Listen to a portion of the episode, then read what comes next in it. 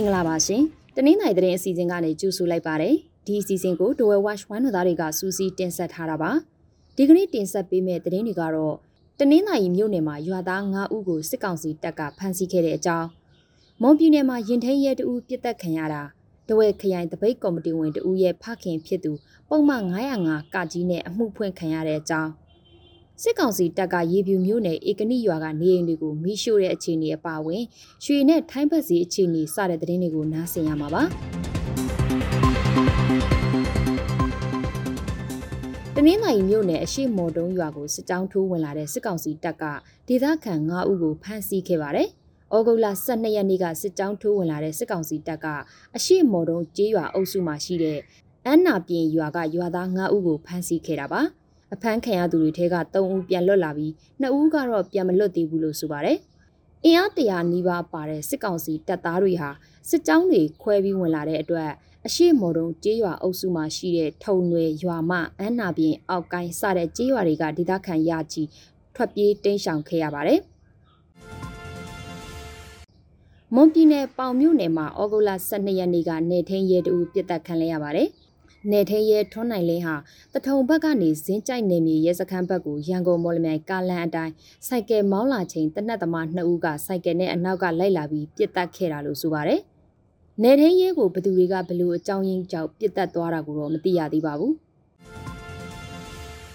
တဝဲခရိုင်တပိတ်ကော်မတီဝင်တဦးဖြစ်တဲ့ကိုမင်းလွင်ဦးရဲ့အဖေဖြစ်သူကိုစစ်ကောင်စီကပုံမှန်905ကကြီးနဲ့အမှုဖွင့်ထားပါတယ်။ ကိုမင်းလွင်ဦးရဲ့အဖေဖြစ်တဲ့ဦးအောင်ဖေကိုနိုင်ငံတော်အကြီးအကျယ်ပြက်စီမှုပုံမှန်905ကကြီးနဲ့တရားစွဲဆိုထားတာပါ။ဦးအောင်ဖေဟာဂျွန်လ19ရက်နေ့ကနေအိမ်မှာရှိနေချိန်စစ်ကောင်စီတပ်ကလာရောက်ဖမ်းဆီးခဲ့တာပါ။ဒီလိုဖမ်းဆီးပြီးမိသားစုနဲ့55ရက်ကြာတွေ့ခွင့်မပေးဘဲချုပ်နှောင်ထားတာလို့ဆိုပါတယ်။ဩဂုတ်လ12ရက်နေ့မှာတော့မိသားစုနဲ့တွေ့ခွင့်ပေးမယ်လို့အကြောင်းကြားလာပြီးတရားစွဲဆိုထားတဲ့အကြောင်းမှပြောဆိုခဲ့တယ်လို့ဆိုပါတယ်။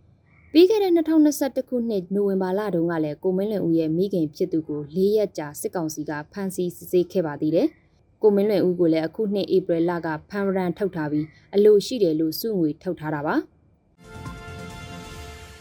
ရေပြူမြို့နယ်တဝဲအထူးစီးပွားရေးဇုံဧရိယာထဲမှာရှိတဲ့ဧကနိရွာကိုဩဂုတ်လ14ရက်မနက်ကစပြီးစစ်ကောင်စီတပ်ကမီးရှို့ခဲ့ပါတယ်။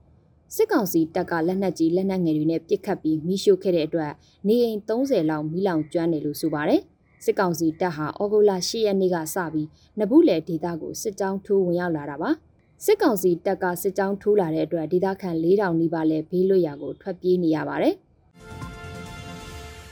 နောက်ဆုံးတစ်ပုတ်အနေနဲ့ရွှေစည်းအတက်ကြနဲ့ထိုင်းဘတ်စည်းအတက်ကြအကြောင်းကိုပြောပြသွားပါမယ်။ဒီကနေ့မှာတော့အခောက်ရွှေစည်းနဲ့ထိုင်းဘတ်စည်းဟာစံချိန်တင်ထိုးတက်သွားပါတယ်။ တဝယ်စည်းကွက်မှာတော့အခောက်ရွှေတစ်ကြက်သားကို38သိန်းနဲ့ဈေးဖွင့်ထားတာပါ။ထိုင်းဘတ်စည်းလည်းထိုးတက်သွားပြီးထိုင်းငွေတစ်ပတ်ကိုကျပ်တရာအထိဈေးပေါက်နေပါတယ်။